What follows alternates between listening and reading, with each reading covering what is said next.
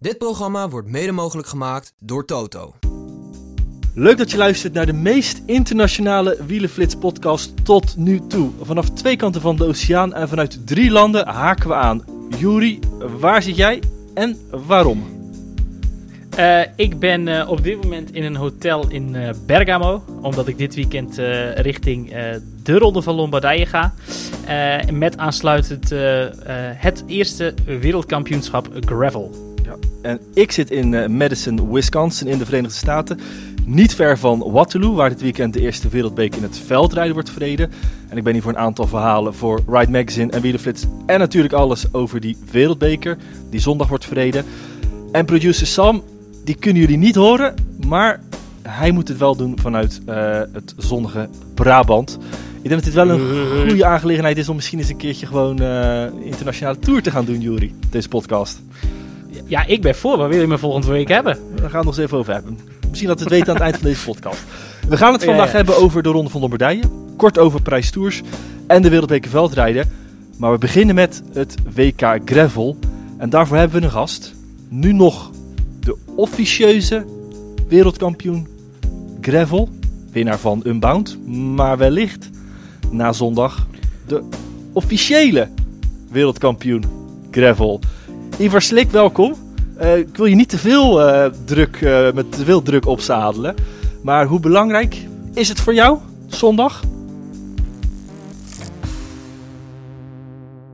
ja, dankjewel. Ja. Het WK Gravel, ja, super belangrijk voor mij. Het is eigenlijk uh, na Unbound mijn tweede grote doel van het jaar. En ik heb er wel echt naartoe geleefd. En um, ja, de laatste weken is het alleen maar groter geworden, ook door het sterke deelnemersveld. En uh, ja, het is uh, super mooi om hier te zijn. En uh, zondag ga ik voor het hoogst haalbare. Ja, wij hebben onlangs in het huidige nummer van Rijt heb ik een interview met jou gemaakt. naar aanleiding ook van jouw overwinning in, in Unbound. Toen was het ook nog voor mij een beetje een, een nieuwe wereld, het, het gravel. Ik kan me er nog niet heel veel in verdiept. Maar als je nu kijkt ja. wat er de laatste weken gebeurd is richting dit WK. Het is echt ontploft. Ja, ja het is echt uh, inderdaad ontploft. Eerst was er nog niet zoveel bekend, ook over het parcours niet. En, uh, mm -hmm. Maar de laatste ja, drie weken, vier weken terug kwamen ze met het parcours en uh, ja, de locaties. En daarna ja, hoorde je al wat namen die mee zouden doen, misschien mee zouden doen. En ook fietsenmerken stimuleren natuurlijk dat hun renners meedoen. Want het, ja, het is belangrijk voor de fietsenbranche. Die zetten in op het verkoop van gravelfietsen. Dus ze willen graag wel uh, hun ambassadeurs aan de start. En, maar vanuit het World Tour de peloton, dat de laatste ja, week eigenlijk zoveel renners mee zouden doen, had ik ook niet verwacht. Maar ja, dat is alleen maar een uh, super mooie ontwikkeling en uh, een flinke stimulans voor de sport. Heb jij even moeten slikken, Ivar, toen je al die namen zag? Nou, eigenlijk vind ik het juist wel heel mooi. Want uh, ja, als je, als je maar enkele toppers aan de start hebt, dan is het uh, een beetje een smal veld. En, uh, maar nu, ja, nu zijn er echt ja, wel 30 kanshebbers, 20 World een paar goede mountainbikers. Um, ja, en dan nog wat echte gravelaars. En, dus ik denk dat het wel in de breedte ook een sterk veld gaat zijn. En je een mooie strijd gaat krijgen. Dus er komt iets meer tactiek bij kijken dan, dan in een andere wedstrijd zoals Unbound daar is het vooral uh, ja, een afvalrace. Dus uh, nou, ik vind het heel mooi. En ook uh, hoeveel extra aandacht daarvoor voor dit WK is gekomen. En ja, daar geniet ik eigenlijk alleen maar extra van. Ja, dat is natuurlijk wel een beetje ja, de, de factor. Hè? Het, het, het, feit dat al die topprofs, hè, Van de Poel doet mee, Van Avermaat, ik zag zelfs nu Alexander Vinokurov als oud-prof die, uh, die gaat deelnemen. Ja, die, rijdt dan, die rijdt dan niet bij de uh, elite-categorie, maar bij de, ja, de age groups. Nee, dat, uh, dus hij gaat niet de officiële WK, maar Davide Rebellin dan wel. Ja, daar, daar kan Vinokurov natuurlijk iets makkelijker die zegen kopen misschien bij die, bij ja, die, wat minder duur. bij die oudjes. Ja, ja precies zal hij wel geld op zak hebben. Ja, ja, ja. Hey, uh, Ivar, over die wedstrijd zelf. Hè. Je zegt, uh, ja, een paar weken terug werd pas dat uh, parcours bekend. start is in, in Vicenza en de, en de finish in, in Cittadella. Um, ja, hoe ziet het parcours er precies uit en, en hoe ligt het gravel er daar eigenlijk bij? Ja, het is een ja, mooi parcours. Is vrij weinig hoogtemeters. Ze hadden nog wel wat meer ehm, korte puntsklimmetjes kunnen pakken.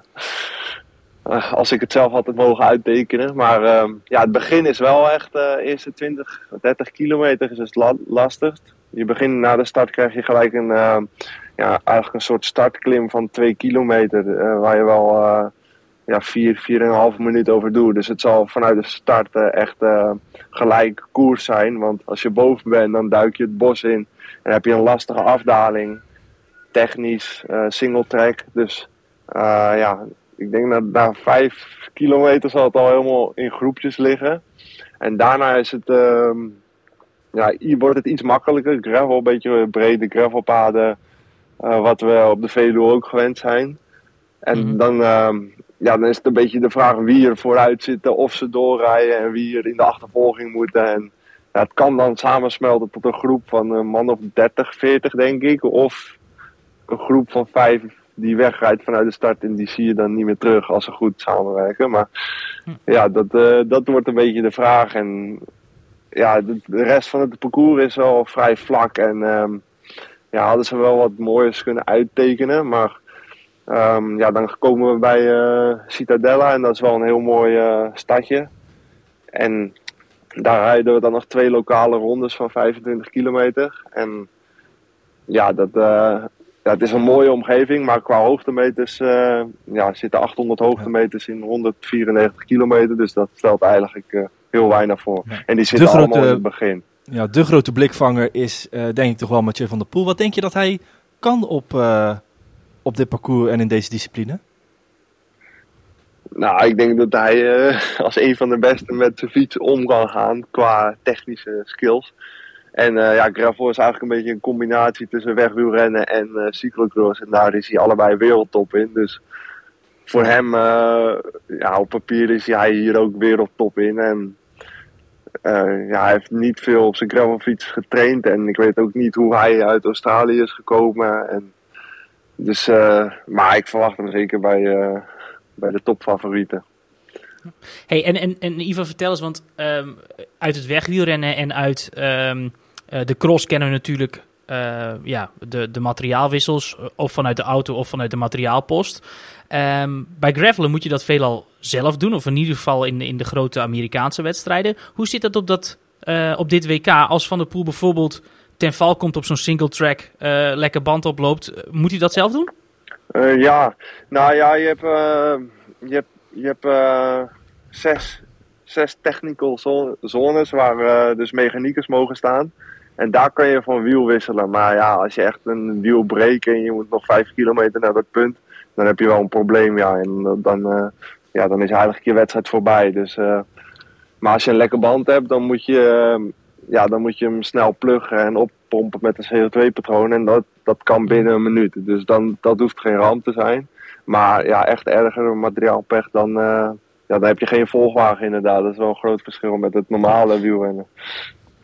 En is het dan ook zo, hè? Je, je noemt met zo'n zo'n uh, CO2-plug uh, dat, dat ding uh, volpompen, of met een patroon. Um, dat zijn wegwielrenners misschien meestal niet gewend, als in ja, oefening baart kunst. Nee. Heb je dat ja, nodig? Die trainen toch ook wel eens op de weg? Ja, daar heeft ook altijd een, een wagen achter zich rijden. Nee, nee oké, maar dat is natuurlijk wel iets anders, denk ik althans. Ik heb geen idee, dus vandaar. Ja, in gravelen worden veel plugs gebruikt en dan op, op met CO2-patronen. En op de weg leg je toch sneller een binnenbandje als je lek hebt. En dat uh, kost wat meer tijd, maar uh, ja, ik, uh, het is niet een heel... Unbound staat echt bekend om de scherpe stenen en, en hier is dat wat minder. Dus de kans op lekker rijden is wel minder groot, maar ja, je weet het nooit natuurlijk. En ja, ook een groot verschil met Unbound is wel dat je, daar moet je zelf al je eten en al je materiaal meenemen. En daar is helemaal geen assistentie vanuit de, uh, ja, vanuit de zijkant. Uh, dus dan heb je ook, uh, dan moet je ook ja, zadeltasjes en frametasjes meenemen. Want je moet mm -hmm. eten meenemen voor 320 kilometer. En hier zou je bij wijze van spreken met één bidon kunnen starten, omdat er zoveel voedingsposten zijn. Ja, en daar zeg je natuurlijk nog iets, hè? Aanpakken. Unbound, uh, de grote, de moeder der gravel races, 320 kilometer lang, dit WK, maar 194. Is niet gewoon ja. wat te kort? Ja, dat is te kort voor mij. Ik had liever, ik had liever 320. Nee, gaf. nee, ik vind het wel. dan word ik net warm na 190. Nee, maar. nee, ik vind het wel mooi. Ja, ik vind toch hoe korter de wedstrijden, hoe aantrekkelijker het wordt om te kijken. Ook voor de, voor de toeschouwers. Dus ja, ik vond 190. Uh, we gaan er denk ik ongeveer vijf en een half uur over doen. Het, is, het is zeker lang genoeg. En uh, ja, het zijn een beetje twee verschillende werelden. De Amerikaanse gravelwereld en de Europese gravelwereld. Nu met de UC-series en het uh, UC-WK. Daarom, ja, het de Amerikaanse gravelrijders zoals Stettina, Boswell. Ja, die, die vinden dit maar niks, omdat het te veel ja, te competitief is en te veel op wegwielrennen lijkt. Dus die zijn er ja, omdat ze gewoon kunnen winnen, misschien. Ja, dat, dat denk ik ook. Dat dit, ja, het is gewoon te explosief, te, te veel dringen. En ja, dat, uh, in Amerika is het gewoon rechtdoor en ja, minder positionering. En ja, of ze moeten nog aan het idee wennen, maar ja, voor mij, uh, dit trekt mij wel meer aan dan het Amerikaanse gravel. Ja. En, en, is, is Lawrence ten Dam dan misschien ook iets te veel uh, ver-Amerikaanst? ja, eigenlijk wel. Ja, hij, ja, hij is natuurlijk gestopt met wielrennen omdat, ja, omdat hij op de, op de leeftijd kwam en het, het, werd allemaal ja, een beetje te veel dringen ook. En ja, het ging niet meer zo makkelijk als vroeger. En daarom ging hij een beetje gravel in. Dat is meer live slow. En ja, en dit is eigenlijk weer, dit gaat weer meer richting wielrennen toe. Live vast. Ja, dus dit is ook niet wat hij wil. En hij heeft ook duidelijk gekozen voor de Amerikaanse wedstrijden. Hij is bijvoorbeeld dit jaar zes of zeven keer naar Amerika geweest. En ik ben één keer uh, vier weken geweest. Dus ja, dat is wel een beetje het verschil.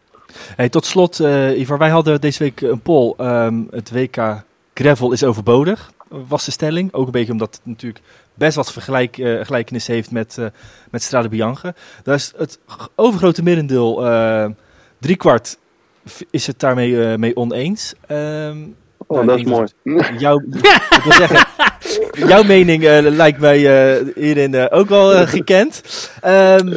Maar zit daar niet een vrees in dat het te veel richting het wegwielrennen, te veel richting de eigenlijk gewoon gravel races op, op de weg? Strade Bianche. En zo. De, wat is dat, omloop van het Houtland in België? Ja, dat is het Haagland. Haagland, ja, dat klopt. Ik. Ja. Maar, lijken ook allemaal op elkaar die ja. wedstrijden. Ja, ik vind dat ze in, zoals in de Tour een uh, gravel, dat vind ik wel iets te ver gaan. En dan kan je het beter als een losse sport gaan zien. Maar um, ja, ik denk dat heel veel renners het ook mooi vinden. En um, er komt minder ploegentactiek bij kijken. En het is meer de sterkste blijven over, omdat je de hele tijd op een zwaardere ondergrond rijdt. Dus ik denk dat het wel uh, ja, zeker toekomst heeft. En ook voor de recreatieve fietser is het, is het heel mooi om een gravelfiets te hebben. Omdat op de weg rijdt het bijna makkelijker, even makkelijk als een wegfiets. En je kan veel meer kanten op. Je kan ja, buiten de gebaande baan, je komt op mooie plekken in de natuur. Dus ik denk wel echt dat het toevoeging is. En qua, ja, qua wedstrijdsport denk ik ook dat het hele mooie eh, wedstrijden kan, wedstrijdbeelden kan opleveren. Ook voor de, voor de kijkers. Het is een beetje de vraag hoe ze het zondag um, ja, in beeld brengen. Maar ja, het kan uh, zeker spectaculair worden. Hartelijk dank, uh, Ivar. Heel veel succes uh, zondag. En op naar die dubbel dan. Ja, ja graag gedaan. Ik ga er in ieder geval alles aan doen. Dan gaan we verder met onze nieuwe vaste rubriek, het best gelezen artikel. En dat is er deze week weer eentje van eigen hand. Altijd fijn als dat toch het geval is. Ar is het Archie of Archie? Archie. Archie. Archie Ryan legt profcontracten naast zich neer en jaagt zijn droom achterna. Geschreven door Juri Eindse. Correct. Uh, ja. Uh. En waar gaat het over? Oh, ik vond het wel een verrassende eh, voordat, voordat je vertelt waar het over gaat, eigenlijk verrassend dat de baas van, nou, misschien dat de titel uh, uitnodigt tot lezen. Um, want er staat geen Jumbo-Visma aan de kop. Nee. En daar heeft het wel mee te maken. Um, binnen in het team waren de mensen toch die zo eerlijk zeiden van Archie Ryan, ik heb er nog nooit van gehoord. Nou, toen heb ik wel gezegd van oké, dan heeft je toch al een klein beetje onder een, uh, onder een steen geleefd. Um, of je alleen maar de, in de, in de wildtour begeven. Want het is een renner het, en het gaat Jumbo-Visma aan. Leg uit. Ja, nee, het is een, uh, een, een, een Ierse klimmer. 21 jaar. of 20, moet nog 21 worden dit jaar. En, en is volgend jaar laatstejaars belofte. Maakt deel uit van de opleidingsploeg van Jumbo-Visma. Ehm, het Jumbo-Visma Development Team. Al vanaf het eerste jaar. Ehm, en ja, goed. Stond te boek als een, als een talentvol klimmetje. Um, had alleen in 2021 veel last van een knieblessure, waar hij ook het begin van dit jaar nog last van had. En eigenlijk, uh, ja, um, waren ze op zich wel tevreden over deze jongen. Maar goed, vanwege de setbacks heeft hij nog niet echt kunnen laten zien wat hij in zijn mas heeft. Um, maar sinds hij de afgelopen zomer van die knieblessure af is, uh, ja, gaat het eigenlijk crescendo en, uh, en rijdt hij fantastisch bergop. Uh, werd onder meer vierde in de ronde van de toekomst. En won, of deed het heel goed als, als meesterknecht van Johannes Stanemietet, een, een Noor, die afgelopen week de ronde de Lizar won. En eerder ook al het goed deed in de profkoers, de ronde van Tsjechië. en deze Ryan won ook in die ronde de Lizar een etappe en boekte zijn eerste profzege in de ronde van Slowakije, waar hij met de World Tour ploeg van Jumbo-Visma mee was. En ja, dat is ook andere teams dus opgevallen. En kreeg hij zelfs twee profcontracten voor volgend jaar. Te weten bij Team DSM en Trek Segafredo. maar deze jonge klimmer heeft die allebei naast zich neergelegd. Had ook nog een contract voor 2022 bij de opleidingsploeg van Jumbo-Visma. Maar uh, dat is natuurlijk een continental formatie. En die contracten mag je altijd verbreken als je uh, een profcontract kan tekenen. Dat doet deze Ryan dus niet. En dat is om de dood eenvoudige reden dat het zijn droom is om zijn profdebuut te maken bij Jumbo-Visma. Um, en ondanks dat Jumbo-Visma geen garanties heeft kunnen doen aan zijn adres dat dat kan vanaf 2024... Uh, ja, heeft hij toch besloten om, uh, om voor die kans te vechten. En heeft dus de profcontracten bij en uh, Team DSM en Trek Segafredo naast zich neergelegd. Om ja, vol te gaan strijden voor een profcontract voor 2024 bij Jumbo-Visma. En ja, um, navraag leert inmiddels dat hij er natuurlijk heel erg goed op staat. En echt wel ja, zijn voet tussen de deur aan het zetten is. Ondanks dat ze al drie renners gaan overhevelen van het development team in 2024. De eerder genoemde Stone Mitted, Per Strand Hagenes en ook Lou van Bellen zullen in 2024 die overstap maken. Maar het heeft er steeds meer de schijn van dat er met Archie Ryan nog een vierde belofte overkomt uit de eigen opleidingsploeg. Ja, waar kennen we dat nou van? Ja. Teams die zich volledig, uh, nou niet volledig, zich veel jonge talenten overheveld naar de eigen team. Ja, eh, van uh, de collega Nederlandse uh, ja. ploeg, het Team DSM, die dat ook al jarenlang doen. Ja, maar Archie Ryan pas 20 jaar, dus die heeft ook nog wel echt de tijd om, om te rijpen. Het is wel even oud als, hetzelfde leeftijd dus als, als Olaf Kooi. Ja. Maar neemt dus dan iets, iets, ietsje langer traject nog bij het development team. Al kan je afvragen, ja, als je vaak genoeg met het World Tour team mee kan, je kunt alleen geen World Tour races rijden. Nou ja, dan blijft natuurlijk nog steeds een heel mooi programma voor je over. Nou ja, absoluut. En, en ja, dit is wel, wel echt een, een, een top klimtalent. En ik denk ook dat ja, de keuze die hij nu maakt uh, door vol uh, voor dat profcontract bij Jumbo-Visma te gaan, ondanks dat er geen uh, garanties zijn, ja, dat zegt ook wel wat over de mentaliteit van deze jongen. dat hij niet in één keer blind voor het geld en voor het profcontract gaat, ondanks dat hij dus ja, een heel moeilijke anderhalf jaar heeft gehad. Uh, en dat zal misschien ook wel uh, uh, een beslissende factor straks kunnen zijn dat Jumbo-Visma toch denkt, weet je wat, we pakken er ja. gewoon nog een vierde belofte bij. Want voor de record, dat is wel heel veel in één keer voor een World Tour team. plus het feit dat ze al natuurlijk de laatste jaren veel renners hebben overgeheveld uit dit team. en ook bijvoorbeeld een Tom Gloak, die de afgelopen week uitstekend deed als stagiair in Italië uh, er komend jaar ook bij komt. En dat, ja, die komt ook gewoon over van de uh, belofte categorie. Dus ja, uh, de toekomst ziet er best wel rooskleurig uit voor Jumbo-Visma. En dat bijna allemaal uit eigen keuken. Ja, en dat Archie Ryan nog een overwinning behaalt deze week. Want hij heeft wel dus mooi Puck Monen verslagen. Want dat was ons tweede best gelezen bericht van de week. Kijk aan, dat kan toch ook niet iedereen zeggen? Zo is dat. Dat is inderdaad uh, een knappe prestatie. We gaan door naar de Ronde van Lombardije. Want uh, ja, we hebben het net wel over het WK Gravel, wat zondag is. Maar zaterdag is nog gewoon de Ronde van Lombardije. Uh, de la het laatste monument van het jaar. Altijd schitterend. Ja. En op basis van deelnemersveld gaat dat dit jaar zeker niet anders zijn. En het fijne is, de route is gewoon weer van Bergamo naar Como. Um, eigenlijk het programma wat we kennen met ook de herkenbare finish aan het Como meer. Uh, in Como dus. Juri, uh, jij gaat er uh, naartoe. Waar, waar kijk jij het meeste naar uit? Ja, een goede vraag. Eigenlijk gewoon wie gaat Tadej Pogacar verslaan? nou ja, dat. Maar ik vind ook... ja goed, ik vind... ik heb een voorliefde voor Italië. Heb ik altijd een schitterend land gevonden. ik ben er dit keer voor het eerst in mijn hele leven. Ik ben er nog nooit geweest. Wel eens uh, uh, op de punt, uh, we gaan altijd naar Zwitserland op vakantie, op, de, op de grens gestaan bij de Sint Gotthardpas. Um, maar nog nooit in Italië geweest. Dus kijk vooral uit naar het Italiaanse leven en de, de, het gochme wat er altijd vanuit de, de passievolle Italianen om de koers heen hangt. Daar kijk ik echt naar uit. En ja, ik vind dat deze koers ja, misschien wel de mooiste bijnaam heeft van, uh, van alle wedstrijden op uh, de kalender. La Corsa delle Foglio Morte. De koers van de vallende bladeren, of letterlijk eigenlijk de dode bladeren. Omdat die dus in de herfst is. Um, en ja, uh, het is wel een schitterende wedstrijd. En zoals je zegt, een monument. Um, vaak wordt hij een beetje vergeten, omdat het het enige monument is wat niet in het voorjaar is. maar ik vind het toch wel een van de mooiste hoor. Ja, absoluut. En als, je deze, als je dit jaar dan ook weer kijkt naar um, het deelnemersveld, los van het uh, parcours wat, wat, wat, al, wat al schitterend is, waar de, de verhalen te over zijn. Uh, even shout-out naar de, onze redacteur Jene Jong, die de voorbeschouwing heeft geschreven. Een heel mooi verhaal erover, over de Madonna del Gisello. Ja, je, op iedere meter van het parcours is wel een historisch feitje of een memorabel iets op te dissen. Dus nou, alleen als je van geschiedenis houdt, van koers uit het verleden, is uh, Ronde van Lombardije uh, de moeite waard. Maar ik denk dit jaar, en dat is echt niet altijd het geval geweest, vooral dat deelnemersveld weer. Uh, ontzettend aan elkaar gewaagd. renners ja. die nog heel laat in het seizoen um, toch nog eventjes wat van zich willen, willen laten zien. Dat is ook niet altijd het, het geval geweest.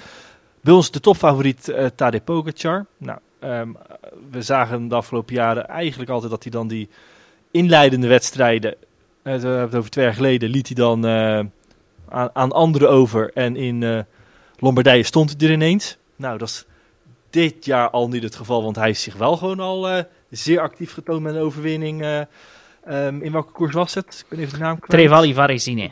Trevali Varesine.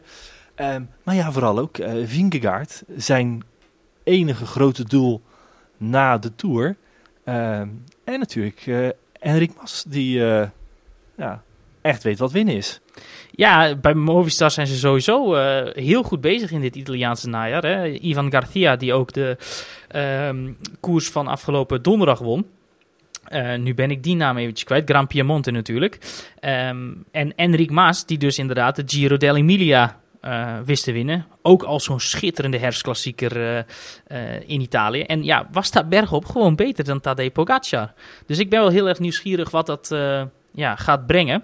Um, ik moet wel eerlijk zeggen dat ik toch wel uh, de deelnemerslijst iets aan de magere kant vind. Uh, ik mis toch wel een groot aantal namen. Ik mis een Roglic, ik mis Alaphilippe, uh, wereldkampioen Remco Evenepoel. Um, ja, dat zijn wel mijn ja, mannen. Al, ja, puur op basis van naam. Op basis ja. van vorm hebben ze alle drie niets te zoeken op dit moment. Um, nou, van Evenepoel durf ik dat wel te betwisten. Uh, die werd twee weken terug nog wereldkampioen. Dus ik, ja, heb je afgelopen week uh, bench uh, gekeken? Ja, zeker. Toen kneep hij in de rem om samen met Iljo Keijs over de streep heen te rijden. Dus wat dat betreft, die had hij ook gewoon kunnen winnen natuurlijk. ja, hij heet wel Remco Evenepoel. Die kan alle wedstrijden winnen. Dus nee, zonder gekheid. Maar dat zijn wel namen die ik hier, die ik hier mis. Uh, maar goed, nu moet er misschien wat meer komen van Enrik Mas, Mas, Mas.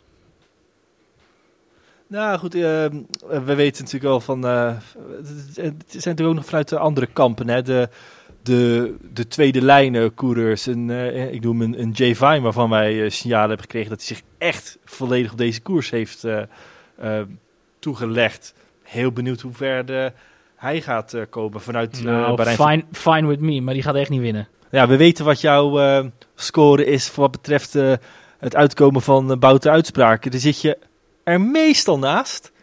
Dus Vine um, is nu zelfs wat in mijn rangschikking wat hoger komen te staan, uh, Jori. Die ga ik eens eventjes uh, nou in de gaten houden. Ja, um, nou, en als dat niet lukt, krijg je gewoon een fine van mij aan het eind van het weekend. Zo, ja, nu zijn alle woordgrapjes eruit. Let's go! Ik uh, wil het ook nog even aanhalen. Uh, Bahrein Victorious. Mohoric lijkt me de koers misschien wat, wat, wat te lastig. Al heb je toch daar met, uh, met uh, Pools. maar zeker in dit soort koersen altijd een ploeg die je niet mag onderschatten. Bora. Klopt. Kelderman. ja, Ikita, heel goed in vorm. En die moet toch ooit eens een keer wel eens die belofte gaan inlossen van, van ja, puncher dan wel ronde rennen. Want in iedere koers noemen we hem zowat als een van de favoriete outsiders. Eh, is de grote ronde, is het voor het klassement en is het voor een, een explosieve klassieker, dan is het voor winst in, uh, in, in zo'n wedstrijd.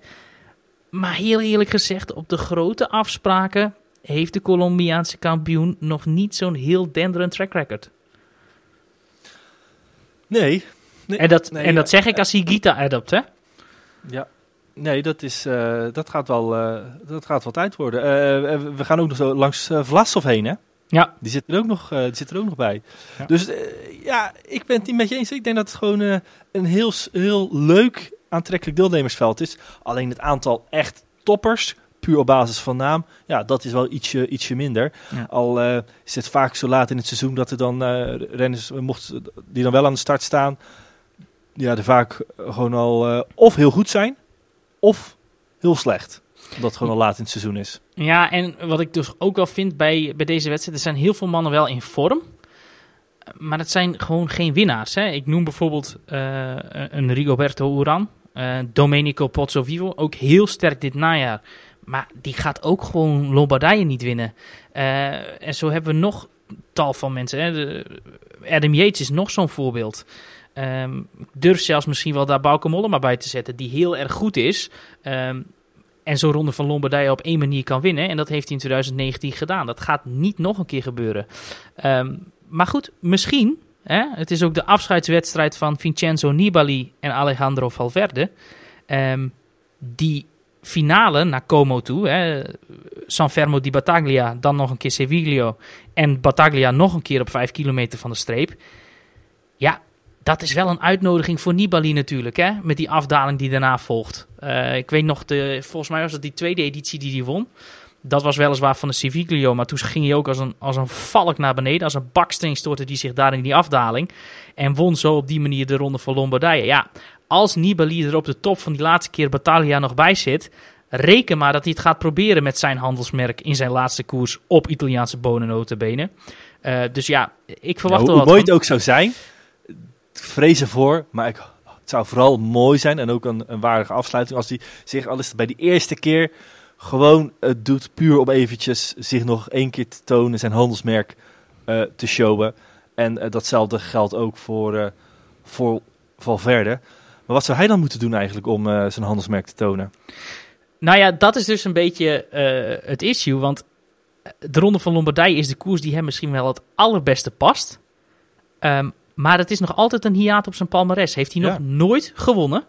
Um, dus ja, goed. Laat hem dan ook maar zijn handelsmerk uh, uh, hier gebruiken. Uh, en lekker nog een jaartje doorgaan. Ja, dat, dat begon jij er straks over. Hij schijnt dus toch al ergens iets van twijfel geuit te hebben over of hij wel of niet moet stoppen. Nou ja, hij heeft inderdaad gezegd van... ik ben op mijn beste niveau. eigenlijk op mijn niveau van de laatste tien jaar. Um, en ik hoor gewoon nog altijd bij de beste. Hij heeft ook gezegd, ja, ik hoor gewoon bij de favorieten opnieuw uh, zaterdag. En ja, als 42-jarige oude man um, is dat natuurlijk best heel indrukwekkend. En Valverde heeft al vaker getwijfeld om te stoppen. Uh, toen is hij altijd doorgegaan. Nu heeft hij echt gezegd, ik stop op 31 december 2022. Maar net voor zijn laatste koers komt daar toch weer dat graantje twijfel naar boven. Waarbij het toch best nog wel eens zou kunnen dat hij na deze week, hè, stel hij wint bijvoorbeeld Lombardij nog een keer, zegt ja, maar nu kan ik toch helemaal niet stoppen. Ja, of hij begrijpt gewoon heel goed het mediaspelletje. Of ze zoeken nog een hele mooie cliffhanger voor hun uh, Movistar uh, Netflix docu. Misschien dat, dat dat het is. Hè? Dat uh, even goed naar GTS heeft gekeken van hoe kan we dat nieuwe seizoen nog eens. Ja. Ja, daar een beetje interesse voor kweken. Hè. Zit hij er volgend jaar nog in? Of voor de 800, uh, 800 keer de laatste kaarten uh, voor het stop nu echt de soldaat van Oranje te verkopen. ja, ja de, de enige, de, de Rolling Stone van het wielrennen. Ja. Van het wielrennen. Nee, maar uh, het is natuurlijk een slechte zaak mocht hij daadwerkelijk nog een jaar doorgaan. Leuk voor het wielrennen, maar uiteindelijk is dit een kampioen. En die wil je niet zien aftaaien uh, met dat, toch dat jaar te veel, waar er al zoveel voorbeelden van zijn. Hè? Stoppen op het hoogtepunt, nou is 41 jaar. Ja, wat, wat valt er nog te halen? Nou, hij verliest prima, laten we, dan, week. laten we dan het volgende afspreken. Als hij wint... Shootbox. Ja, ja dus dat zou toch het mooiste, mooiste einde zijn? Tuurlijk, als hij wint zaterdag, dan zou je er nooit meer over moeten twijfelen. En zeggen, oké, okay, ik heb zelfs nu deze gewonnen. Hè, de, ja. de, de, enige wedstrijd eigenlijk die een beetje de Parijs Tours van Eddy Merckx... Uh, is een beetje de ronde van Lombardije voor Alejandro Valverde. Um, ja, als hij die nog kan winnen... en hij is echt heel goed in vorm.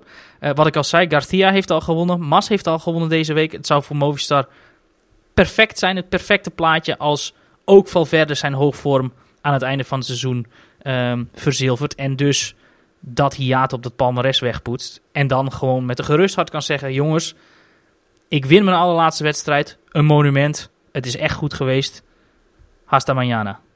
Ja, ja maar ik vind uh, dat dat is toch uh, is schoonheid afscheid nemen. Ik vind dat nog altijd... Um, hoe Alberto Contador dat heeft gedaan in de Vuelta 2017, zijn laatste wedstrijd. Waarin hij op de voorlaatste dag op de Alto de Angliru zegeviert. Uh, ja. Pistoolgebaar. Daarna uh, afscheid nemen. Er zat overigens, huiskamer uh, quizvraag. In die slotdag zat toch nog een smetje voor hem op. Wat gebeurde daar? Voor Contador? Ja. Op de slotdag. Ja, verloor hij toen niet nog een plaatsje? Klopt, werd, ja. Werd hij niet zesde in plaats van vijfde? Hij werd uh, vijfde in plaats van vierde. Zo was het. Uh, hij liet zich uitzakken en uh, Kelderman sprong toch nog voorbij hem. Ja, klopt, zo was het, werd, ja. Nou, heel goed, heel goed.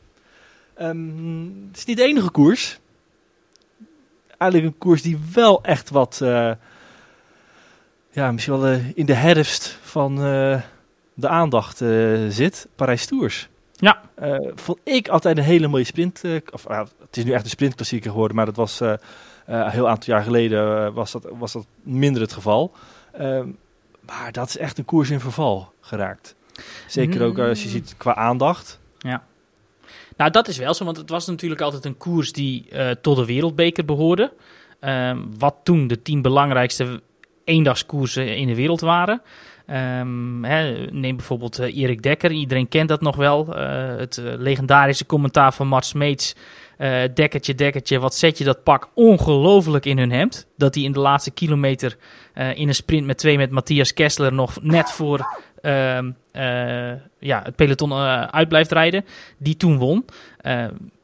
Maar het was eigenlijk wel altijd een, een, een echte sprintklassieker. Een mooie, mooie afsluiter, een mooie prijs om te winnen voor een sprinter op het einde van het seizoen. Uh, maar wat je zegt, inderdaad, qua waarde is die koers misschien wel uh, wat teloor gegaan. sinds 2009 maakt het bijvoorbeeld geen deel meer uit van de World Tour. Um, maar daar hebben ze wat aan proberen te doen. En in 2018 hebben ze de wijnvelden rondom Tours in de finale opgezocht. Met een aantal ja, vervelende kuitenbijtertjes en dus offroad stroken door die wijnvelden heen. Um, maar niet iedereen is daar voorstander van geweest.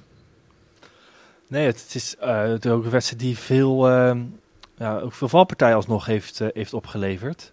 Veel lekke banden ook. En ja, het is wel weer een, eigenlijk zeker een koers met traditie, die weer omkat naar ja, weer een half offroad race. Ja. En ik ben er in, in dit geval ook niet heel erg gecharmeerd van. Nou ja, ik wel. Ik ben een enorme liefhebber van offroad uh, wedstrijden. Het was door het Hageland, Schaal, uh, vooral Trobro Leon. Dat vind ik de allermooiste koers van het jaar. Strade Bianchi natuurlijk. Um, maar ook deze koers uh, draag ik zeker warm hart toe. Um, daarmee ga ik wel een beetje tegen de haren in van, van een aantal anciens uh, in de wielersport. Hè. Patrick Lefevre heeft na die eerste editie in 2018 gezegd...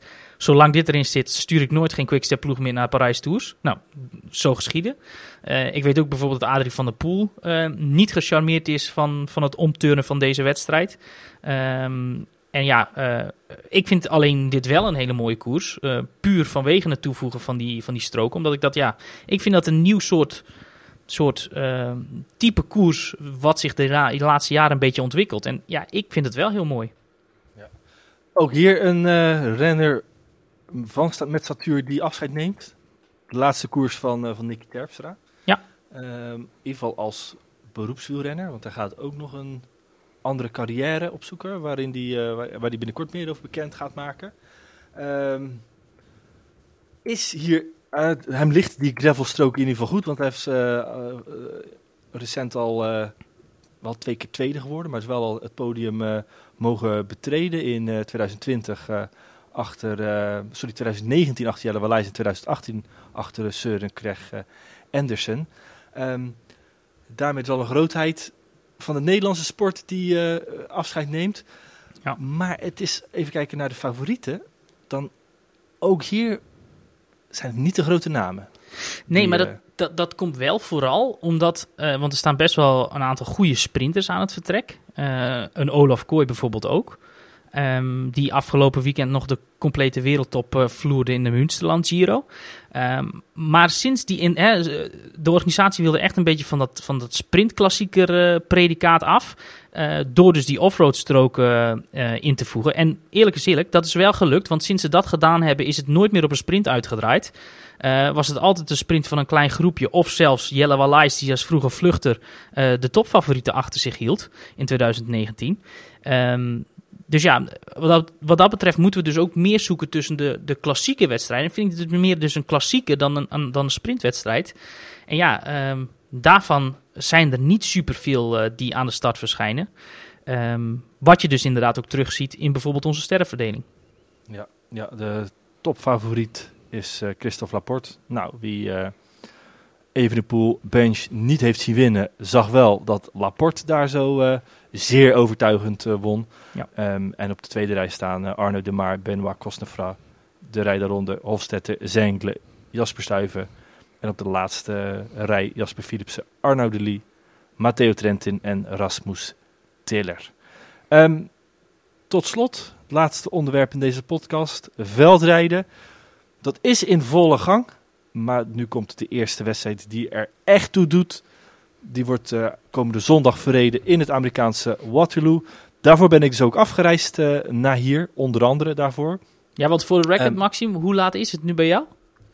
Het is nu bij mij uh, kwart voor zes in de ochtend. Ja. Dus uh, dankjewel uh, jetlag dat ik hier eigenlijk nog nooit zo uitgeslapen, zo vroeg op de ochtend al een podcast heb kunnen opnemen. En, en, voor de mensen die nu denken van, oh poeh, dat valt toch wel mee. Ik heb al zeker twee uur lang voorbereid, of vier uur lang voorbereid met Maxim. Dus die was echt al op twee uur, ja, plaatselijke ja. Ik was gewoon om, om acht uur Nederlandse tijd lag ik al naar het plafond te staren. En toen was het hier net één uur s'nachts. Dus het wordt vandaag een lange dag, maar we klagen niet. Um, ik hoop vooral dat het, het zonnetje hier zo gaat schijnen. Want ik ga vandaag al even kijken bij het parcours voor een verhaal wat later terug te lezen gaat zijn in het windnummer van Ride Magazine. Kijk je wel uit dat je daar niet je Waterloo vindt? Haha, nou het is vooral te kijken wie, voor wie dat in de cross het geval gaat zijn. Want uh, daar zijn nog wel wat uh, zaken. Want degene die al überhaupt hun Waterloo hebben gevonden voorlopig, en dat is wel het meest opvallende, zijn de Belgische vrouwen. Want er is geen enkele elitevrouw afgereisd naar hier toe. Nee. Um, of ze zich al hebben berust in het sterke leger van Nederlandse dames.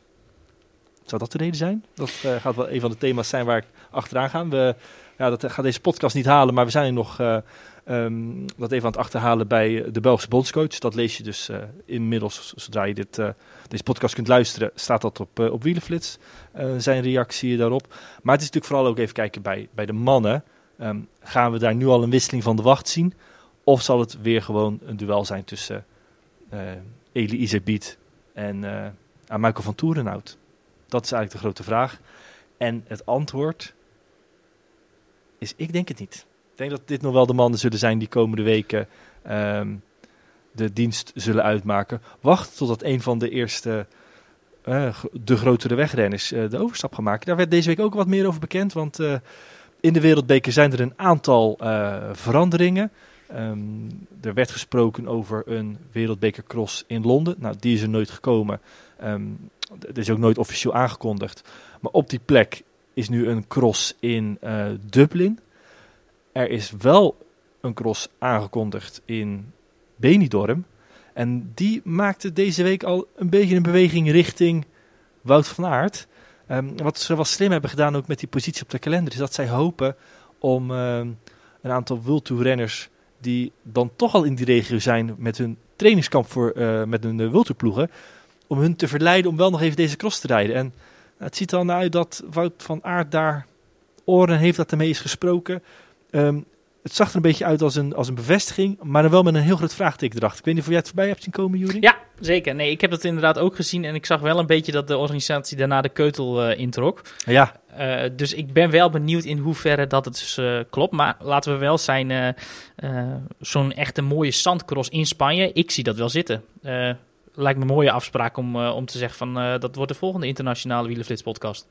ja, dan moeten we ergens in eind december onze koffers uh, gaan pakken. Nou ja, wie, wie, weet. Laten we eens, uh, eens gaan kijken wat er mogelijk is.